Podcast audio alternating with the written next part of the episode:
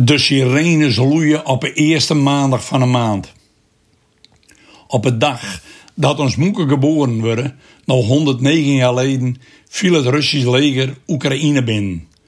Ik was krek bezig om een stukje te schrijven voor de toon van. Maar op zulke momenten emel je vanzelf niet over 100 jaar kingpepermuntjes. Schreef ik geen anekdotes over hoe kind op het bikkel hadden kerkbanken van een orenkerk in Sneek of dat gereformeerde junkfood zaten te sabbelen. Dat was trouwens ook in de tijd van een koude oorlog.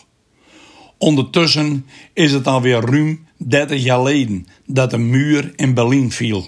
Zodat ze mooi in een geschiedenisboekje staat.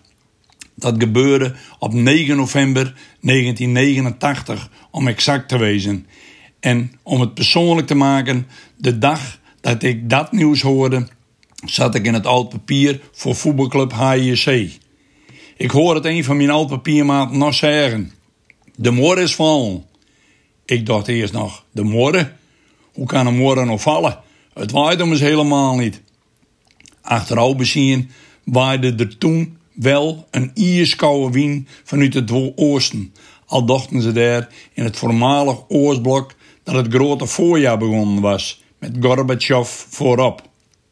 Lauw helemaal geen einde van de Koude Oorlog. De Sovjet-Unie mocht helemaal niet metspelen in het nieuwe Europa. Voor de grootmacht was geen plak.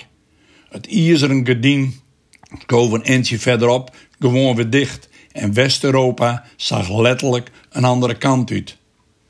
De eerdere Sovjet-republieken als Georgië en Oekraïne is grenslaan kwamen letterlijk tussen de NAVO en Rusland klem te zitten.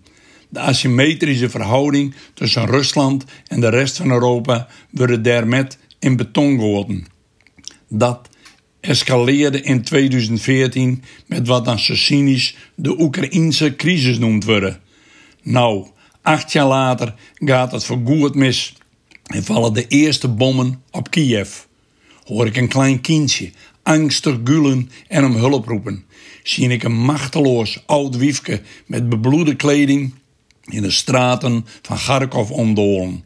Wordt er een perendeken over de eerste dode Oekraïense soldaat uitspreidt. Hoe ze, het kwam volkomen onverwas. Het begon al op 9 november 1989, toen de muur viel en er eentje van die landen niet met spelen mocht. Hun muur, del haalt door het westen. Een van die trotse jonkjes achter zijn zelfbouwde muur van haat. Een volkomen deurdraaide idioot, het ten de macht en hand. En gaat als een bloeddustige barbate keer. Vreselijk en volkomen verwerpelijk. Dezelfde oorlogzuchtige dwaas, don't call his name, die tot voor kort mooi weer en lange dagen speelde met wereldleiders aan belachelijk lange tafels, al wat er niks te redden. Nou, februari 2022 is het openlijk oorlog. En of we dit nou het begin van een derde wereldoorlog noemen of niet, die arme Oekraïners zal het wust wezen. Oorlog is oorlog, is sowieso zinloos.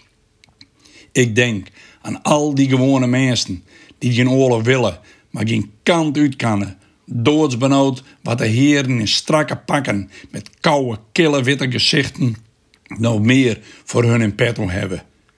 Het is vandaag 28 februari, volgende week maandag. Op de eerste van de maand loeien de sirenes weer vanuit het centrum van mijn stadje. Wakker worden. Oorlog is dichterbij als je denken. En de sirenes loeien maar en de sirenes loeien maar.